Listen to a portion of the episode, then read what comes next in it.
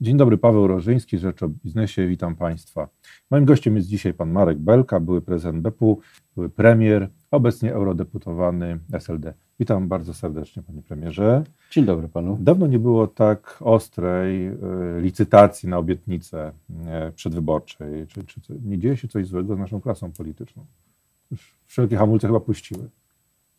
Też jestem tego zdania, y, ale ostatnio zdarzyło mi się opublikować tekst, w którym zauważyłem, że takiej polityzacji życia gospodarczego, E, nie było nigdy i takiego podporządkowania polityki gospodarczej celom politycznym, to znaczy mówiąc krótko wyborczym, nie było nigdy, jak dzisiaj.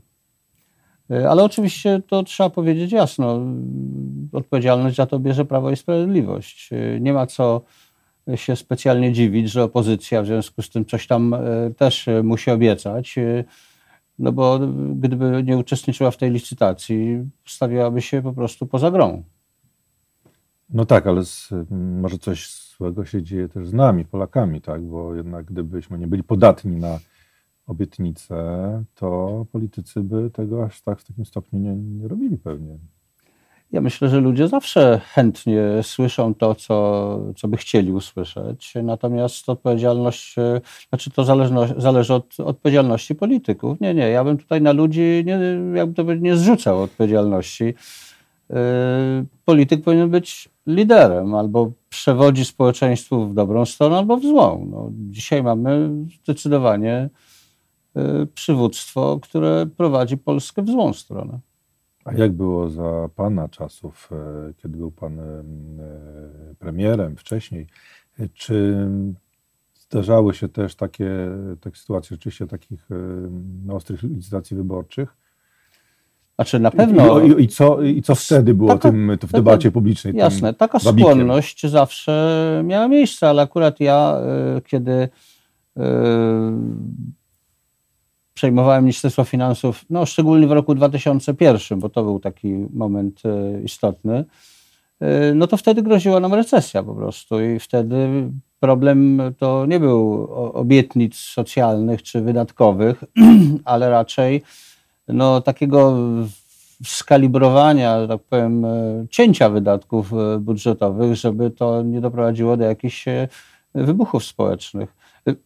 Także y, no wtedy to raczej w drugą stronę sentymenty szły, żebyśmy czasami nie sprowadzili na głowę katastrofy gospodarczej. No ale wielu pana kolegów, polityków wtedy narzekało na pana, że, no, że nawet zaszkodził pan. No to prawda, no ale, no ale to co? No, partii ale wtedy. może sobie i partii zaszkodziłem, ale Polsce pomogłem. A w 2004-2005 roku, kiedy byłem premierem, no to nawet y, narzekali znów na mnie, że zostawiłem e, w budżecie pewne specjalnie, świadomie e, zakładki, luzy, no po prostu po, na gorsze czasy. A proszę powiedzieć, jak pan, jak pan obecnie ocenia te, mm, te obietnice, ale które są najgorsze, najgroźniejsze, najbardziej szkodliwe i dlaczego?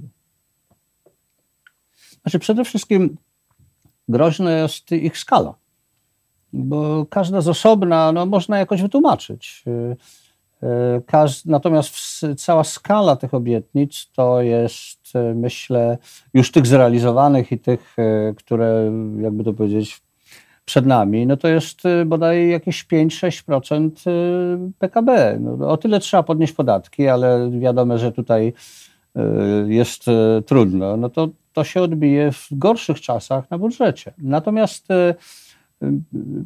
no chyba naj, najniebezpieczniejsze to jest ta zapowiedź podniesienia e, płacy minimalnej w sposób radykalny, dlatego że to nie, nie chodzi tylko o płacę minimalną. Jak się podnosi, jak się obie, obiecuje podnosić płace minimalne o kilkadziesiąt procent, to w gruncie rzeczy uruchamia się spiralę płacową całą. E, to nie będzie tak, że inne płace e, będą stać w miejscu. Myślę, że uruchomi się tym samym znaczący wzrost e, płac, który nie prowadzi sam w sobie do e, zwiększenia zamożności Polaków, tylko do inflacji. wzrosną oczekiwania ludzi, tak, że, że teraz trzeba e, płacić więcej, bo można, tak, i będą występowali do przedsiębiorców. Nie no, do skoro, podwyżki, tak? skoro człowiek, któremu się wiele, wiele ludzi w Polsce wierzy, uważa, że należy tak radykalnie podnieść płacę minimalną, to dlaczego płacę nieminimalną nie podnieść w jednakowym stopniu? A dlaczego 4 tysiące, a nie 5 albo 10 tysięcy? No bo 4 tysiące tak, taka okrągława. Bardziej okrągłe jest 5. No to kto wie, może będziemy niedługo mieli 5, dlatego że inflacja spowoduje, że te 4 tysiące nie będzie znaczące. Bo też jedną z motywacji jest to, że to zwiększy popyt, e, popyt wewnętrzny. Jedną z, z takich spekulacji było to, że właśnie ponieważ nadciągają trudniejsze czasy, to rządowi chodzi o to, żeby mm, dać ludziom więcej, więcej e, pieniędzy, tak, żeby mieli wię- większą pewność tych pieniędzy, żeby więcej wydawali, pobudzali popyt wewnętrzny. No niewątpliwie Konsumpcji. to będzie y, stymulowało popyt y, wewnętrzny i samo w sobie na krótką metę to przecież jest dobre. Natomiast gospodarka dzisiaj y, już, jakby to powiedzieć, y, działa na pełnych obrotach. To nie jest tak, że w Polsce jest be, bezrobocie jakiejś znaczącej skali, są niewykorzystane moce wytwórcze. Y, Wręcz przeciwnie, jest brak rąk do pracy i w związku z tym zwiększyć produkcji nie jest, nie jest łatwo. Natomiast łatwiej będzie zwiększyć, zwiększyć ceny. Oczywiście tak, tak długo, jak to będzie możliwe, przedsiębiorcy będą, y, ci, których na to stać, obniżać marże, no i to z tego się tak powiedzmy sobie y, nie- niespecjalnie możemy martwić, chyba że, chyba, że na przetrwanie wezmą i zmniejszą wydatki inwestycyjne, a to już nas martwi. Natomiast y, no ja o tym mówię, że bardzo dużo w Polsce jest takich małych, no, przepraszam, że tak powiem, bieda przedsiębiorstw. To są przedsiębiorstwa, które zatrudniają niewielką ilość y, y, pracowników po, po, po minimalnych, y, po, po minimalnych stawkach wynagrodzenia. No i im grozi no, masowe bankructwo. Emery- Albo przejście w szarą strefę. No, nie wiem, co jest gorsze. a emerytury? Trzynastka, czternastka, może No pojawi to- się piętnastka, chociaż już teraz to już może nie, ale to wystarczy. No też to jest, to jest tego samego e, typu obietnica, typowe przedwyborcze, jakby to powiedzieć, mobilizowanie ludzi. E, Wtedy ja bym wolał, żeby mm, żeby, żeby, żeby w sposób systemowy zwiększać emerytury, jeżeli nas na to stać. A nie sądzę, żeby było nas stać ze względu na obniżenie wieku emerytalnego. Ale jeżeli by nas było stać, to powinniśmy iść raczej w kierunku na przykład lepszego, wiesz, bardziej, jakby to powiedzieć, hojnego e, indeksowania emerytur w stosunku do płac. No powiedzmy, płace rosną 7%, to emerytury, no powiedzmy sobie 7% także. Albo 7 plus 1. Ale może któreś z obietnic, y, które teraz słyszymy, o których teraz słyszymy, są dobre albo Niekoniecznie Wie złe. pan, ja, ja nie mówiłem y, ani słowa złego przeciwko programowi 500 y, w tej wersji pierwszej, dlatego że uważałem, że stać nas było na to, aby taki program y, za- y, zapoczątkować i zresztą miałem rację, a nie mieli racji ci czarnowidzo, czarnowidze tak zwani, którzy, którzy przewidywali upadek finansów publicznych. Ja uważam, że wszystko to, co sprzyja zwiększeniu aktywności zawodowej e, Polaków, co, e, co e, zwiększa skłonność do inwestowania, jest dobre. Na przykład to zapowiedź likwidacji czy zmniejszenia tak zwanego wykluczenia komunikacyjnego, co to tam druga piątka Kaczyńskiego zawierała. To jest bardzo dobry, bardzo dobry postulat, z tym, że on jest trudny i taki słabo sprzedający się wyborczo, dlatego że no można uchwalić u, ustawę i przeznaczyć jakieś środki na to, tylko że e, po pierwsze, żeby to miało sens, trzeba mieć dobrą e, współpracę z samorządami, bo samorządy wiedzą, gdzie brakuje jakich linii, czy kolejowych, a przede wszystkim autobusowych.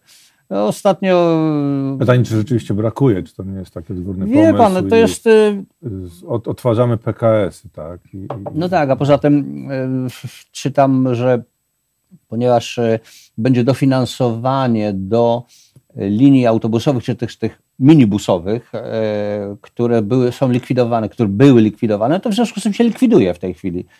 E, kilkaset podobno, nie wiem nawet czy nie w Rzeczpospolitej przeczytałem, że kilkaset takich właśnie linii minibusowych zostało zlikwidowanych. No po co? No po to, żeby teraz dostać pieniądze, żeby je odtworzyć.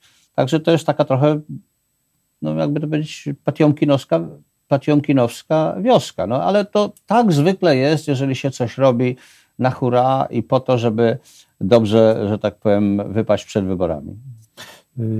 Nie tak dawno rozmawiał prezes y, Kaczyński, rozmawiał z prezesem NBP na temat właśnie te, temat tego skokowego podniesienia mm, płacy minimalnej i y, powiedział, że on mi przedstawił takie pierwsze szacunki, czy to jest, czy to jakoś wpłynie źle na gospodarkę, nic z tych rzeczy, podkreślił właśnie prezes PiS. Czyli była konsultacja z prezesem NBP-u, który go uspokoił. I, no, nie, no, jeżeli chodzi o pierwszy rok, znaczy, wie pan, jeżeli w pierwszym roku podniesie się e, zapowiedzianą płacę minimalną z 2500 na 2600, to rzeczywiście efekt tego będzie nieznaczący. Ale przecież nie o to chodzi. Chodzi o te 4000, które już zostało, że tak powiem, tymi 4000 w oczy żeśmy ludziom zaświecili i oni już wiedzą, że mają mieć 4000. Zaraz nie tam w 2023 roku, zaraz. W związku z tym wszystkie inne płace też powinny zacząć e, startować e, do, do, do podwyżek. Znaczy, i tutaj no ja bym się nie zgodził z tezą, że to nie ma ani na inflację znaczenia, ani na Ale to powiedział prezes no dobrze, no to, Centralnego to Banku. Ja przecież nie, ja przecież I... nie, nie ręczę za niego. No, Był pan prezes NBP-u, jakby, jak pan ocenia w ogóle spotkanie z jakby politykiem? Kaczyński, jakby pan prezes Kaczyński zadzwonił do mnie, to bym mu inną opinię sformułował. Ale czy po, powinni dzwonić prezesi partii, szefowie partii? Wie pan, y, do prezesu ja, banków centralnych? Ja nie widzę nic złego w tym, żeby prezes Banku Centralnego y, edukował, mówiąc krótko, albo informował o sytuacji gospodarczej rządzących. Natomiast y, no, jakby to powiedzieć, kontekst tej rozmowy był niedobry z punktu widzenia niezależności NBP, no bo w gruncie rzeczy pan prezes e, NBP się wmanewrował w e, kampanię przedwyborczą. No i to już nie jest dobre. Mhm. Czy, czy to, że wreszcie mamy zrównoważony budżet, mamy mieć, przepraszam, e, to dobra wiadomość? Powinniśmy się z tego cieszyć? No, lepiej jak jest zrównoważony niż jak jest z deficytem. Natomiast jest pytanie, czy rzeczywiście tak będzie i czy jest to działanie na dłuższą metę poprawne, czy dotyczy tylko roku 2020. Yy, no i zdaje się, że większość, łącznie zresztą z, ze źródłami rządowymi, przyznaje, że znacząca część dochodów yy, centralnego budżetu, bo nie mówimy na razie o budżecie samorządów i, tak samorządów i, i ZUS-u, budżet centralny będzie opierał się w przyszłym roku na tych tak zwanych one-offach, czyli jednorazowych tak. wpływach, prawda? I, I tego jest znacząca ilość. A poza tym zauważyłem, że e, w tym budżecie, na tym zrównoważonym powiedzmy, e, na prędce, bo to tak trzeba powiedzieć, nie ma tej czternastki emeryckiej. To jest tam do 10 miliardów złotych, ale jest obiecana. W związku z tym, no jakby jest już. Związku z tym nawet ten zrównoważony, w cudzysłowie, budżet y, zamyka się deficytem 10 miliardów. Panie redaktorze, to wszystko y, to nie jest y, tragiczna wiadomość, jeżeli byśmy, czy w ogóle groźna, jeżeli byśmy mieli pewność, że ta dobra koniunktura w Polsce i poza Polską utrzyma się przez kilka najbliższych lat. A mamy niemal pewność, że ona się nie utrzyma.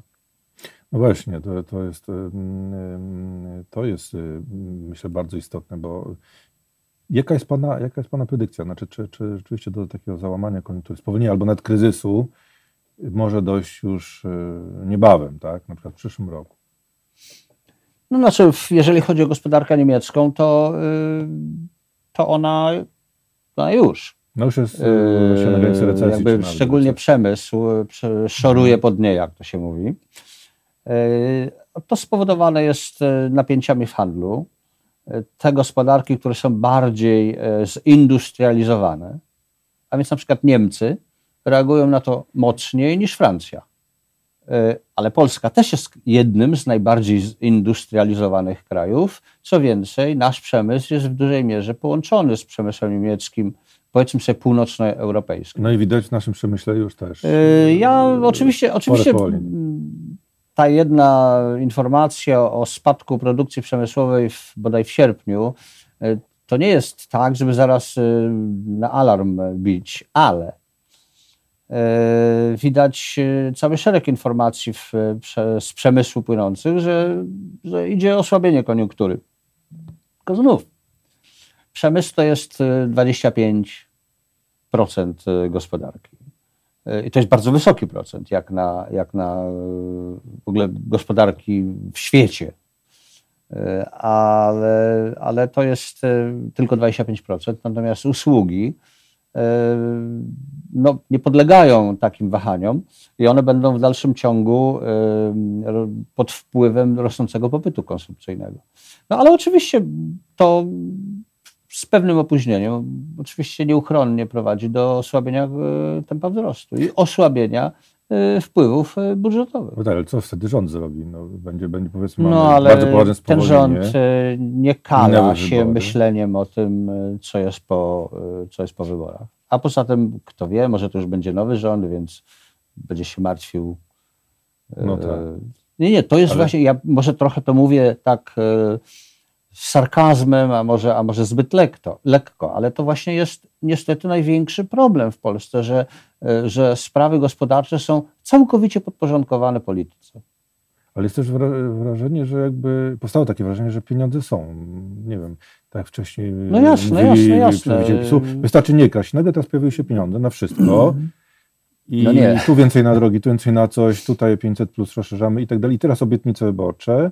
I, I, mamy wrażenie wszyscy, jakby o jakiś znalazł się cudowny środek na no mnożenie pieniędzy. Tak, nie, nie. Pierwszy, pierwszy ten etap obietnic wyborczych i programu rozwoju programu socjalnego mhm. PiSu został zrealizowany e, z dwóch źródeł, czy został sfinansowany z dwóch źródeł. Ze wzrostu gospodarczego. Polska w ruinie, no nie, mhm. tylko Polska w rozkwicie a po drugie ze wzrostu ściągalności VAT-u. To jest zresztą ogólnoeuropejskie zjawisko. Ja w tej chwili... W... Tu można chyba rząd pochwalić, że jednak to uszczelnie nie przyniosło. A, niewątpliwie tak. A, a, zganić to, że przyzwoitość mu od, nie pozwoliła, znaczy brak przyzwoitości nie pozwoliła mi powiedzieć, podziękować na przykład ministrowi Szczurkowi, ministrowi Rostowskiemu, że rozpoczęli tę pracę.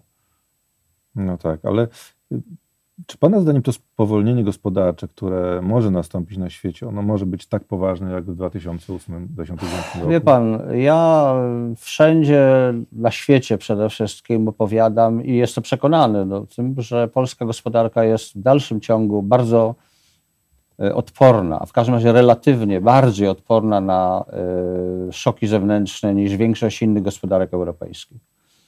Y, I mam nadzieję, że nawet bardzo, nawet recesja w Niemczech nie spowoduje recesji w Polsce. Spowoduje osłabienie gospodarcze, ale nie recesję.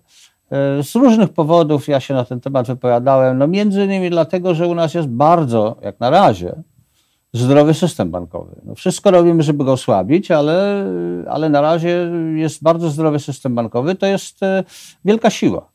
Po prostu wiemy, że z sektora finansowego nie przychodzi, no chyba, że zaczniemy wariować w tych sprawach frankowych, e, tych, tych kredytów frankowych, ale e, ze strony e, sektora finansowego nie grozi nam no, jakaś wielka, niemiła niespodzianka, co ostatnio, czy w ostatnich dekadach było regułą. Kryzysy nie rozpoczynały się w tak zwanej gospodarce realnej, w przemyśle, w rolnictwie, tylko w, w sektorze finansowym. U nas takiego potencjału nie ma. Takiego złego potencjału nie ma. A czy, mm, czy euro, czy euro by nam y, pomogło w przypadku takiego kryzysu, jeżeli byśmy je przyjęli? Czy powinniśmy się śpieszyć do euro?